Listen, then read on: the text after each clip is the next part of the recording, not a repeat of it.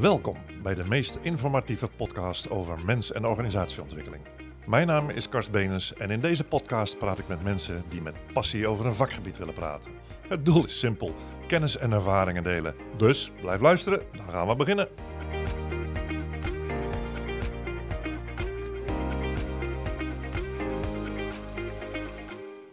Welkom bij de podcast. Nou ja, eigenlijk deel 2 met de studenten. En het zijn dezelfde dames als de vorige podcast.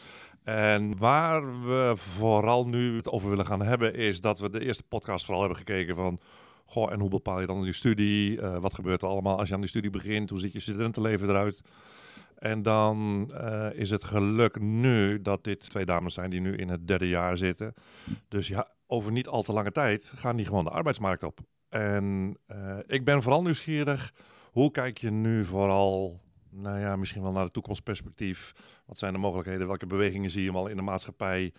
Uh, word je er blij van? Word je er niet blij van? Enzovoort, enzovoort. Dus we gaan vooral nu vanuit de, ik zou bijna zeggen, letterlijk de studentenkamer aan de Molenstraat in Nijmegen gewoon eens even naar de toekomst kijken. Maar de eerste vraag is, uh, wil je jezelf nog even kort voorstellen? Isa, wil jij uh, beginnen? Helemaal goed. Nou, ik ben Isa en ik ben uh, derdejaars student sociologie hier in Nijmegen. En hoe ik bij sociologie ben gekomen is eigenlijk omdat ik al lang bezig was met in ieder geval iets met mensen willen studeren. Dat stond altijd wel bovenaan. Psychologie was eigenlijk nummer één. Nou ja, niet geworden, maar uh, uiteindelijk wel bij een goede studie terechtgekomen. En uh, daar zijn we nu alweer uh, bijna drie jaar mee bezig. En zo is het ook. Ja. En? hoi, ik ben Helle. ik ben jouw dochter. en ja, ik ben ook derdejaars bachelorstudent aan sociologie in Nijmegen. Ook eerst psychologie willen gaan doen en daar dus niet binnengekomen, net zoals Isa. En toen toch relatief goed op mijn pootje beland bij um, sociologie nu. En dat is eigenlijk uh, ja, ook derde jaar. En er wordt wel een jaartje aan vastgeplakt. Dus ik ben niet in drie jaar klaar. voor mij ook. ja, voor ons beiden. Dus dat is gezellig. Uh, maar dus ja, er gaat een jaartje extra bij komen. Maar ik moet zeggen dat ik dat helemaal geen probleem vind. En dat jaar erbij komt omdat... Nou ja, bij mij was het in ieder geval zo dat ik in mijn eerste twee jaar eigenlijk een beetje het uh, studeren achterwege heb gelaten en vooral het studentenleven okay. heb uh, ja, ontdekt. Ja, ja, dus um, ik ben eigenlijk officieel tweedejaars bachelorstudent omdat ik tweedejaars vakken volg. Dus volgend jaar wordt voor mij gewoon mijn laatste jaar met alle derdejaars vakken in één. Ja, oké. Okay. En, bachelor, en uh, bachelorscriptie en stage natuurlijk. Mm -hmm. Ja.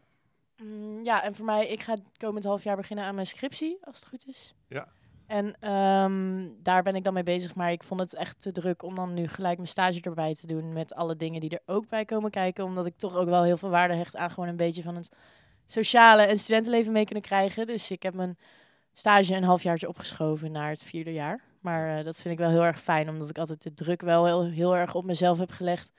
Om alles altijd maar in één keer te moeten kunnen doen. En dat was nu gewoon onrealistisch. Dus ja. ik vind het eigenlijk bijna heel fijn dat het onrealistisch is, zodat het ook oké okay is om het wat vooruit te schuiven. En ik vind het een heel mooi bruggetje naar waar we het, denk ik, vooral over willen gaan hebben.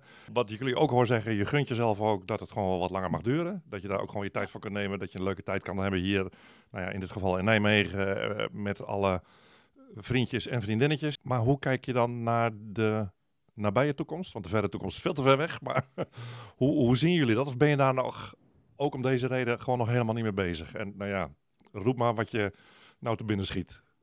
Um, ja, nou toevallig, uh, ik merk dat ik daar afgelopen twee jaar vooral helemaal niet mee bezig heb willen zijn ook. Ik dacht, ik ga doen wat ik leuk vind nu.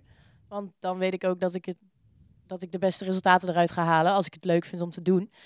Uh, dus afgelopen twee jaar ben ik daar helemaal niet mee bezig geweest. Maar dan hoor je toch in je derde bachelorjaar, het jaar dat toch ook wat andere mensen wel gaan afstuderen oh, maar wat zou je dan willen doen? En je moet gaan zoeken naar een stage. Dus uh, het wordt in één keer wat meer een stapje dichter bij uh, echt de arbeidsmarkt optreden, zeg maar. Uh, maar ik merk vooral zelf dat, dat ik er zo lang mogelijk heb willen uitstellen om het te bedenken. Maar dat ik het nu ook wel fijn vind om wel iets meer te gaan nadenken welke kant ik dan op wil. Um, ik merk bij mezelf dat ik psychologie nooit echt los heb kunnen laten. Dus dat ik nu een beetje aan het kijken ben naar wat dan de mogelijkheden zijn om het even via een detour ja, eigenlijk ja. Uh, ja mogelijk te maken om toch nog die kant op te gaan. Want tegenwoordig merk je wel dat er heel veel mogelijk is. Maar dat je er dan wel echt zelf achteraan moet gaan, wat begrijpelijk is. Maar dan wil ik dat uh, vanaf nu eigenlijk wel een beetje gaan doen. Want het lijkt me wel de goede tijd om daar op tijd mee te beginnen. Hoe geldt dat voor jou, Isa? Ben je bezig met de toekomst of zeg je van, nou nee, ik ben nu gewoon nog aan het studeren? Nou ja, ik ben de afgelopen twee jaar natuurlijk wel echt even te weinig bezig geweest met de Oké. toekomst. Ze luisteren niet. Nee.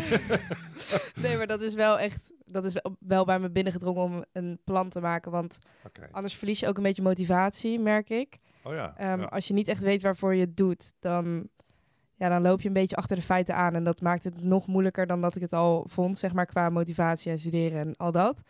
Dus eh, toen heb ik voor mezelf een beetje een plan gemaakt om eh, master criminologie nog te gaan doen. En dit is allemaal heel, heel algemeen hoor, dus het is nog geen strak plan. Maar ehm, criminologie, want dat vond ik als bachelor ook heel leuk, maar dat kon niet in Nijmegen. Ehm, Ah, ja, en je wil die stap ja, niet uit. Ja, en er werd verteld dat eerstejaars sociologie dat dat een criminologievak had. Dus eh, toen dacht ik, nou weet je, twee vliegen in één klap. Ehm, maar dat viel toch wel een beetje tegen. Maar uiteindelijk lijkt me een master criminologie nog wel heel leuk. En dan eh, om daarna HBO-recherche te gaan doen.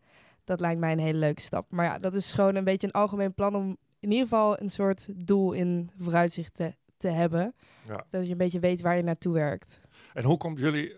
Nee, laat ik het anders vragen. Hoe creëer je voor jezelf een beeld van waar je misschien naartoe zou willen? Dus Isa, voor jou is dit heel concreet. Helle, jij zegt ik ben er ook mee bezig. Maar wat hoor je, lees je? Wat heeft impact op je keuzes? Want er gebeurt van alles in de wereld. En Ja. ik weet niet eens waar ik moet beginnen, maar we hebben natuurlijk rare verkiezingen gehad met een bijzondere uitkomst. We hebben een Trump die misschien weer president van Amerika geworden. We hebben Israël, we hebben Ja. oorlog overal. Er gebeurt echt zoveel, ik zou bijna zeggen, shit in de wereld. En Ja. dan moet je ook nog ergens een keer op de arbeidsmarkt terecht gaan komen als student. Nou. ja. Veel plezier. Ja, eh, om even bij het begin te beginnen. Ja, ik ehm, denk dat het dus, wat ik vorige week ook al zei, is dat het gewoon belangrijk is dat, dat het mij heel erg heeft geholpen om iets te gaan doen wat ik op dit moment leuk vind. En dan daarna te kijken wat dan verder. Want ik ben er over de jaren heen eigenlijk heel erg achter gekomen dat ik ehm, iets wil gaan doen wat ik- denk ik logisch is voor iedereen. Wat ik iets wil gaan doen waar ik echt energie van krijg. En dat mijn grootste angst dus is dat ik iets ga doen waar ik echt, wat echt een sleur wordt. En ik ben eigenlijk erachter gekomen afgelopen jaar hoeveel eh, energie ik ervan krijg om maar in contact te staan met iemand. En dan als iemand zich uitspreekt, dat, dat ik hem ergens in heb mogen inspireren of mogen Oké. zeg maar, het gesprek aangaan met mensen om te weten wat ze drijft en waarom ze dingen doen. Dat vind ik echt zo leuk om met iemand het erover mogen hebben. En ja, toen merkte ik op een gegeven moment hoeveel energie ik daarvan kreeg. En toen was dat voor mij wel weer een bevestiging dat ik echt iets in de mensenbranche moet gaan doen. Wat dat nou precies is, daar moet ik echt nog wel achteraan. Maar ik merk dat ik er heel veel energie van krijg om maar gewoon iets met iemand te doen. En ik denk dat ik daar vooral achter ben gekomen door ervaringen. Gewoon dat ik ben gaan denken, maar waar krijg ik nou echt energie van? Ja, dat. Ja. Ja. En eh, die criminologie, Isa, van jou, ehm, komt dat ook doordat er heel veel aan de hand is? Of Ja, prikkelt dan de, de spanning? Of wat, wat zijn daar dan de triggers, zeg maar, om die Mhm. kant op te gaan? Nou ja, ik merkte vooral dat, ehm, omdat mijn moeder ook merkte dat ik een beetje motivatie aan het verliezen was voor de studie, vooral in coronatijd en eh, nog wel de jaren daarna natuurlijk, werd elke keer tegen mij gezegd van als een socioloog een artikel had uitgebracht in de krant van Kijk Kijk, weer een socioloog. Ja, kijk eens, ja. kijk weer een die, die er iets van Ja. heeft gemaakt. Ja, maar dat sprak mij gewoon echt elke keer gewoon niet aan. Ik Nee. dacht, eigenlijk valt het, ja, ik weet niet, het, het leek me een beetje te makkelijk of zo, omdat het is vrij logisch wat er allemaal vanuit het perspectief van de socioloog, wat er wordt verteld, is vrij logisch. Er is veel ongelijkheid en daar moet naar gekeken worden. Wat zijn de bronnen van de problemen? Wat zijn de oplossingen? Eigenlijk Ja. kan je daar zelf ook wel over speculeren. En daarom wou ik iets meer wat specifiekere kant op. En dan kom je wel een beetje uit bij criminologie, want dat gaat dan meer over waarom mensen de criminologen kant op gaan en zo. En wat daar dan speelt, wat hun daartoe zet om die kant op te gaan. Ja. En ehm, nou ja, ik had wel een beetje een kijkje in het leventje van politie en marechaussee. En dat leek me toch wel weer heel interessant. En dan ben je ook een beetje bezig met van ja, lijkt misschien toch wel leuk om wat meer de straat op te gaan in plaats van achter een tafeltje te zitten. En zo ben ik uiteindelijk een beetje die kant op gekomen, omdat criminologie dan ook een mooi opstapje is voor eh rechercheopleiding. En waar zou die studie dan moeten gaan plaatsvinden als die niet in Nijmegen kan? Amsterdam? Ja, Amsterdam volgens mij. Ik dacht ook Leiden, maar daarom het is echt nog een heel Ja, nee, maar goed, dat was ook heel Ja. Wat Ja. ik wel een hele interessante vind in deze keuze, wat je natuurlijk heel veel ziet, is dat nou ja, je keuze ook wel gebaseerd wordt op dat wat je ouders doen of gedaan hebben. Of dat je juist helemaal de andere kant daarvan kiest. Van oh, wat hij deed, dat wil ik nooit worden. Ja. Eh, dat zijn die patronen. Ik, eh, ik ga jullie toch allebei even vragen. Maar dat is in jouw geval heel natuurlijk wel raar. Maar wat, wat doen jullie ouders en wat pak je daarvan mee of juist helemaal niet? Of hoe afhankelijk of onafhankelijk baseer je Ja. je keuzes? Want ik denk dat, dat dat wel interessant is voor de luisteraars om ook eens te onderzoeken van, nou ja, hé, maar keuzes, waar baseer je die nou eigenlijk op? Gaat dat dan helemaal over authenticiteit? Hè? Dus doe ik wat ik zelf wil? Of zit er dan toch stiekem wel iets in verweven wat ouders je meegeven? En nou ja, snap je een beetje waar ik Ja, naartoe wil? Nou, roep eens. Nou ja, mag, ik- Isa, mag ik vragen, wat Ja. doen jouw ouders? ja, zeker. Ja, nou ja, ik weet van ons beiden dat wij toch wel een beetje geïnspireerd zijn door onze moeders vooral. Dank je. Eh, Prima. ja, helaas, het is toch echt. Want, eh, nou ja, mijn moeder in ieder geval is eh, dan loopbaancoach. Dus dat is dan ook vooral eh, mensen helpen. En ze heeft haar kantoor ook bij ons in huis zitten. Dus dat was natuurlijk... Je kan toch wel vaak in aanraking met dat werk. Ja, En eh, een beetje dat mensen helpen meer op persoonlijk niveau. Dus dat was dan meer psychologie dan sociologie natuurlijk. Maar in ieder geval mensen helpen met de struggles die ze zelf niet helemaal onder controle hebben. En dat is er toch wel een beetje ingebleven. Gewoon die sociale kant. Dat leek in ieder geval mij en ik denk ons wel heel Ja, erg, erg interessant. oké. Dus eh, in dat opzicht heeft dat wel bij mij wat aangewakkerd. En ook mijn vader, die is dan eh, directeur van een heel groot medicijnenbedrijf, opslag. En eh, nou ja, dat doet hij kei goed, maar dat lijkt mij dus echt helemaal niks. Nee. Ja, nee, dat echt op een kantoortje zitten, dat is echt niks voor mij. Want dat zie je hem eigenlijk doen. Ja, Ja, ja en dan daar zit, het natuurlijk heel, ja, daar zit natuurlijk heel veel omheen. hè. Dat weet ik Klopt. allemaal niet precies, maar in ieder geval, dat is niks voor mij. En dat Nee. doet mijn broer nu ook. Die zit ook eh, in het kantoorleven. En ehm, nou ja, dat, dat merk ik gewoon. Zij kunnen het supergoed en het staat hun hartstikke goed, maar dat is gewoon niks voor mij. En broer, is dat bij ASML? Eh, nee, bij Van der Landen. Ja, van de landen, ja, Ja. dat was hem. Ja. Ja, in Veghel. Dus, en eh, Hello, hoe werkt dat bij jou? Wel ja, hetzelfde dus ook, maar- maar ook loopbaancoach. Ja, ja, beide. Ja, inderdaad. eh, Ja. Mama doet ook, is ook een loopbaancoach en jij dan meer teambuildings. Mm, Ja, hoe Ja. noem je dat precies? ook altijd iets Ik een ga dat in een aparte podcast nog wel kunnen uitleggen. Ja. ja. ja, maar ook allebei heel erg gericht op het helpen van mensen, groepen mensen, maar ook individueel dus mensen.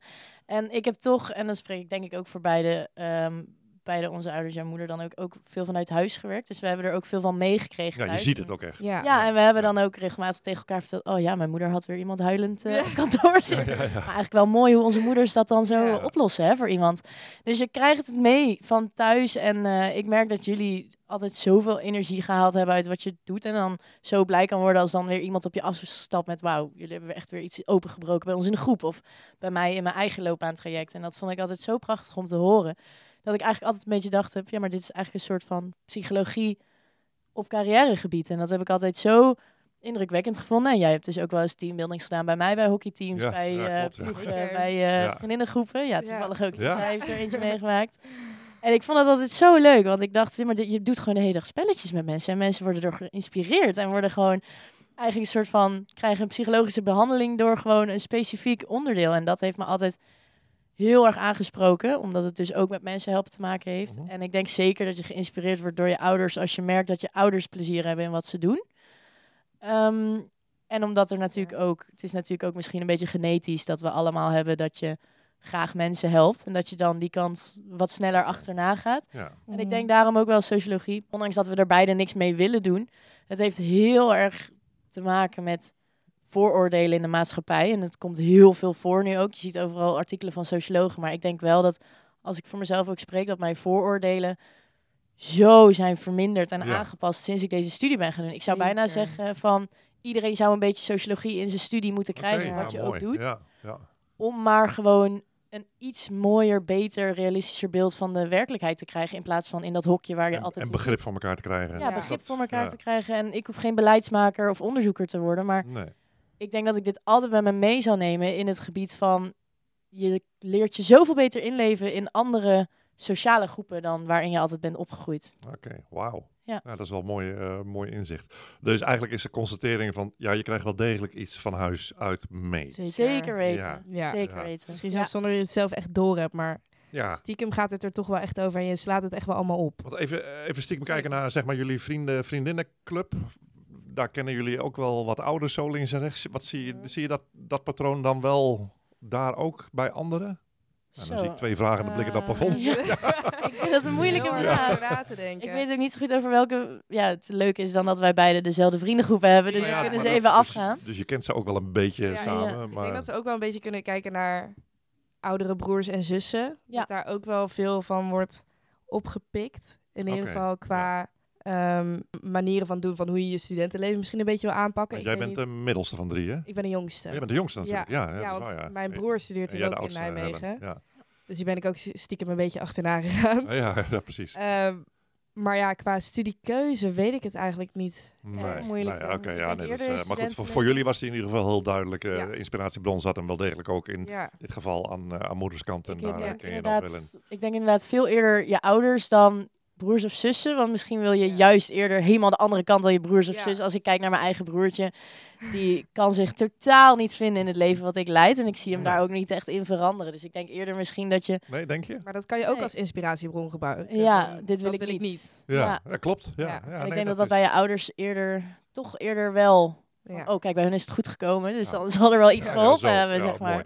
En eh, even heel wat anders, want dat gaat dan, en dan ga ik nog even een generatie terug, dan ga ik even kijken naar mijn, eh, mijn ouders. Dus dan, daar, die zijn geboren in de jaren, wat is het, 25, 30 zo ongeveer. Hè? En daar was het eigenlijk nog gebruikelijk van, als je ergens gaat werken, dan blijf je daar eigenlijk de rest van je leven. En dan Ja. na 40, 45 jaar ga je bij diezelfde baas met pensioen. En dan, nou, toen kwam mijn generatie. Dus dan heb ik het over midden jaren 50, 60, zo ongeveer. Mm. Nou, dan heb je al wat meer ruimte om eh, nou ja, ook te durven switchen. Nou ja, dan zijn wij natuurlijk ondernemers. Dus dat eh, misschien niet. Ja, jij moeder trouwens ook Isa, dus die Mm. is natuurlijk ook voor zichzelf.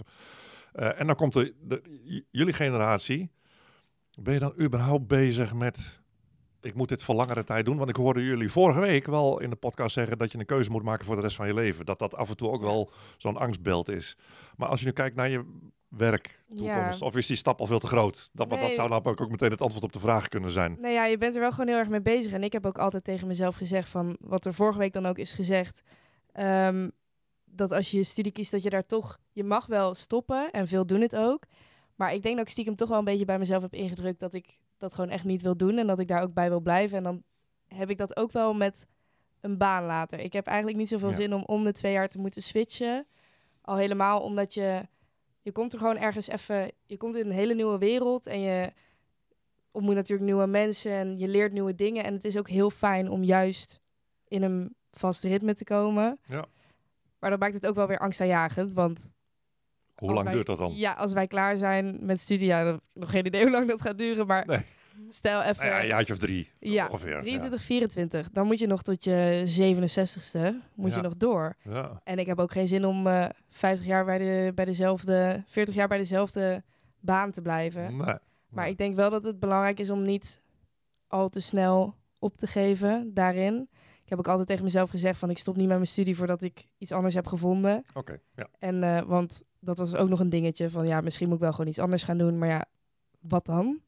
Dus, eh, en ik wist als ik zou gaan stoppen, ja, dan kom je dadelijk in een wereldje terecht dat je gaat werken en eigenlijk dan al niet meer gaat studeren. En dat, daar was ik nog niet klaar voor. Nee. Maar ehm, nee, maar dat is een hele Ja. bewuste keuze dus. Ja. Ja, ja. ja, ik denk dat dat is voor ieder persoon gewoon anders. Maar bij mij zit er in ieder geval wel ingedrukt dat het wel belangrijk is om beetje vast blijven houden bij, eh, bij één ding. Ja. Hoe is dat voor jou, Helen? Als je kijkt naar de nabije toekomst, baan, Mm. werk, hoe lang, veel, weinig?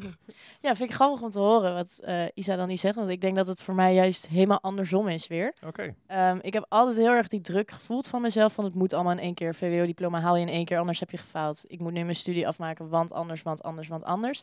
En wel- zoals ik net ook al zei, dat ik het heel fijn vind dat ik een soort van verplicht nu een jaartje langer over mijn bachelor moet doen. Omdat het oké is.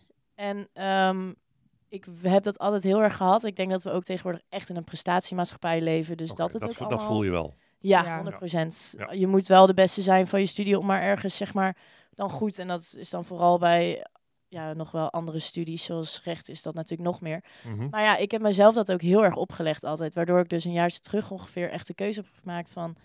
Ik ga mezelf bijna verplichten te switchen een paar keer. En gewoon blijven doen wat ik leuk vind. En ik weet van mezelf dat ik bij ba- bijbaantjes altijd heel snel verveeld raakte of zo. En dat ik dacht, Dat voel maar ik het is ook ja. oké. dat ik dacht, waarom zou ik vier jaar bij hetzelfde bijbaantje Bij domino's bij blijven. Domino's blijven werken als ik, Ja. ook iets anders kan gaan doen. En daar hebben ze me net zo goed nodig, weet je wel. Dus het maakt ook niet uit als je, als je sn- sneller switcht. En omdat dus altijd mijn angst is geweest dat ik voor één en dezelfde werkgever moet werken... waar ik het eigenlijk heel snel helemaal niet meer leuk heb... dan, dan ga ik liever weg en dan ga ik wat Ja. anders doen... als me daar ook gewoon kunnen gebruiken. En dan, ik denk dat het voor mij beter werkt om steeds voor nieuwe situaties blind in te gaan... en daar lekker mezelf opnieuw weer te ontwikkelen. En dan desnoods maar weer gewoon te kijken of ik daar verder kan groeien... of Ja. eh, gewoon weer wat anders. Dus ik moet, heb mezelf wel wat op proberen te dragen dat het oké is als je het ergens gewoon, als je weer wat nieuws wil en gewoon te blijven Ja. ontdekken en die, dus die onzekerheid weer maar weer aan te gaan om gewoon weer door te groeien. Ja. Ik denk dat dat voor mij Ja, wel mooi, een goede switch in mijn Ah, gedachten. mooi dat jullie daar allebei gewoon je eigen visie eh, in hebben. Want ik denk dat ik dat ook wel eh, een, behoorlijke doorsnee van zeg maar, de studentenmaatschappij is. Dat iedereen daar wel zijn eigen keuzes in maakt. Ja, Ja. mooi. Ehm, en het is een beetje onvermijdelijk. Ben je überhaupt met geld bezig? Ja. We moeten. Ja. Oh, ja, dat je altijd tekort hebt nu. Maar ik bedoel, met, Ja. ik wil zoveel mogelijk verdienen. Of eh, weet ik veel, hoe gaan we rondkomen? eh hypotheken. Ja. Ja. het is allemaal groot en ver en veel. Maar Ja, aan de ik, andere kant komt hij ook wel steeds dichterbij. ja, ik denk dat we echt qua... In ieder geval, ik heb echt geen idee hoe hypotheken en al dat, hoe dat allemaal later gaat niet. zitten. Dat hebben we gewoon Nee. niet geleerd. Ik Niet heb mee geen bezig. idee.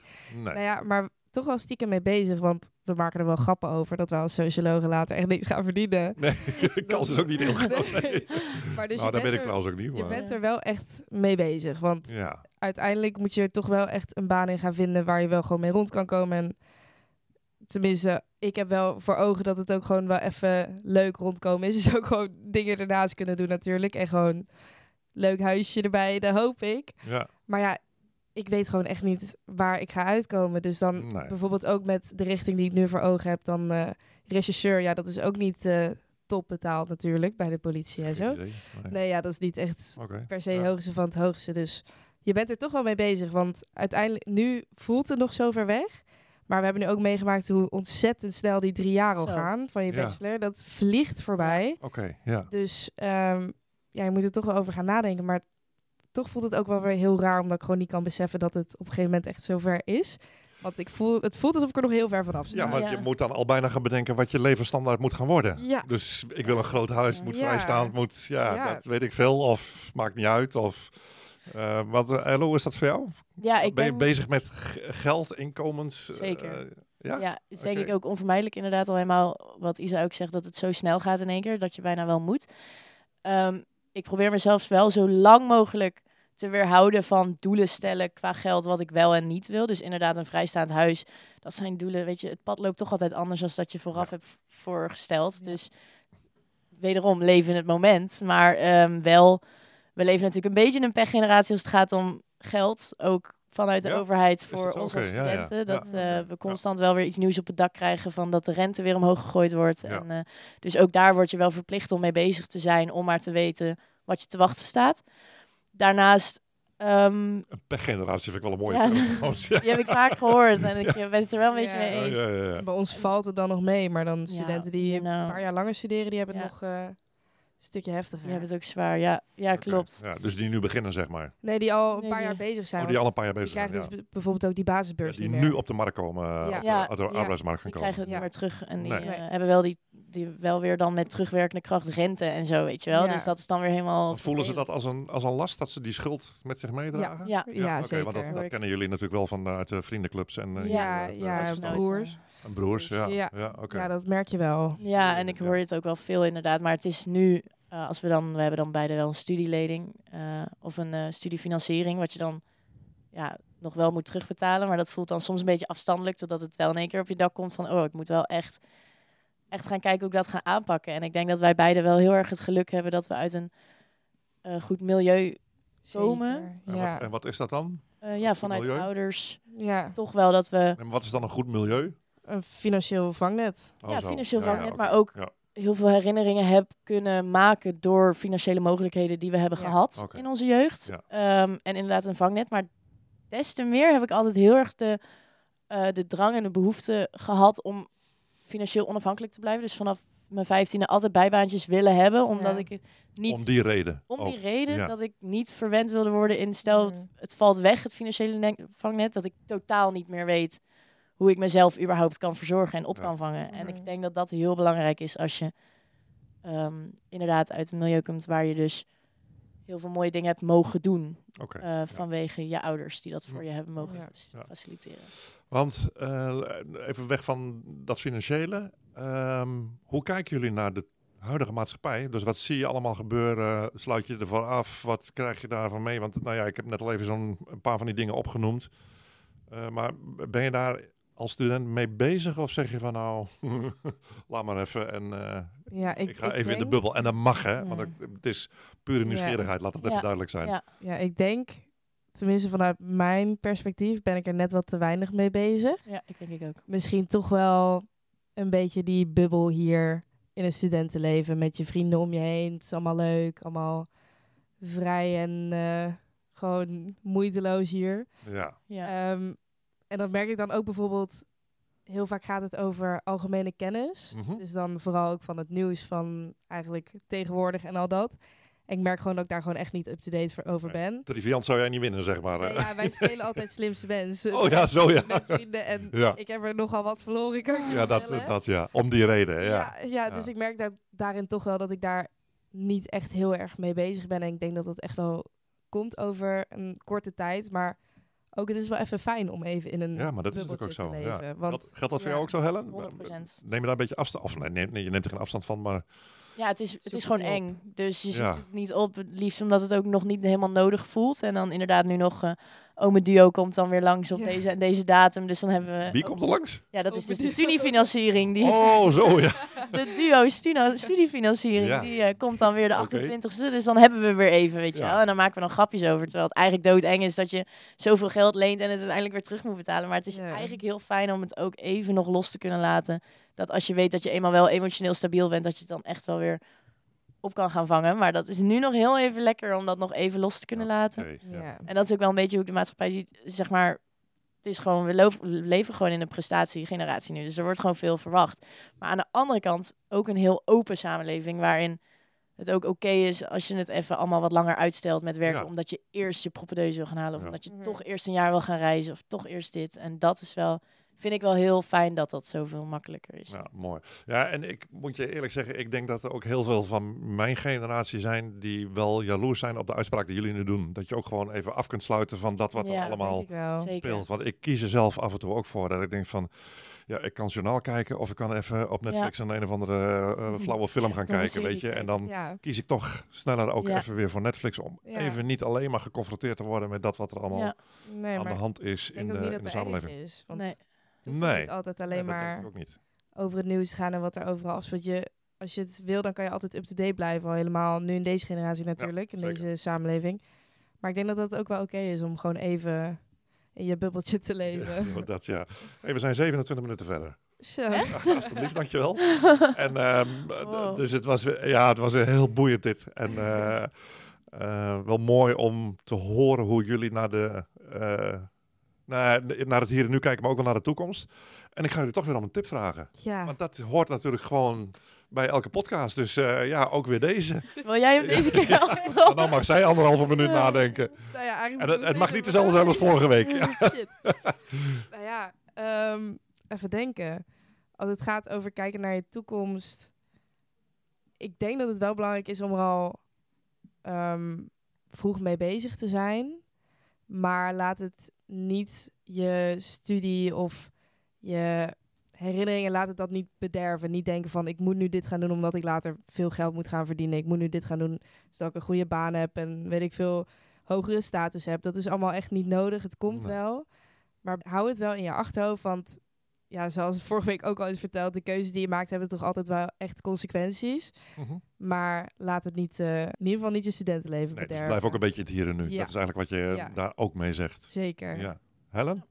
Ja, ik denk aansluitend daarop. Ik denk dat je toch de meeste resultaten behaalt uit gelukkig zijn met wat je doet. Dus ik zou zeggen, zoek vooral dat op en blijf er ook bewust van. Dus sta zo nu en dan een keer stil van met waar heb ik nou deze week, deze maand echt energie van gekregen? En hoe kan ik dat omzetten in iets, iets met resultaten? Of hoe kan ik hier iets uithalen? Of kan ik er überhaupt iets uithalen? En ik denk dus bewust blijven, maar vooral blijven doen wat je leuk vindt, dat je daar uiteindelijk het meest uit gaat halen. Top. Nou, hoe mooi is dat? Ehm, dank jullie enorm voor deze twee fantastische mooie uitzendingen. Want dat is het absoluut eh, geworden. Ehm, heel veel. Ja, het is heel raar om te zeggen, want ik kom je natuurlijk heel vaak tegen. Maar ontzettend veel succes met alles wat je gaat doen. En, eh, nee, maar vooral eh, dank voor jullie mooie inzichten en ook voor je openheid. Dat is, eh, volgens mij is dat wel echt heel duidelijk overgekomen. En ehm, nou ja, iedereen weer bedankt voor het luisteren. En volgende week, ik weet nog niet precies wie, maar dan hebben we in ieder geval weer een gesprek met een student. Dus dank maar weer voor het luisteren en heel graag tot de volgende podcast.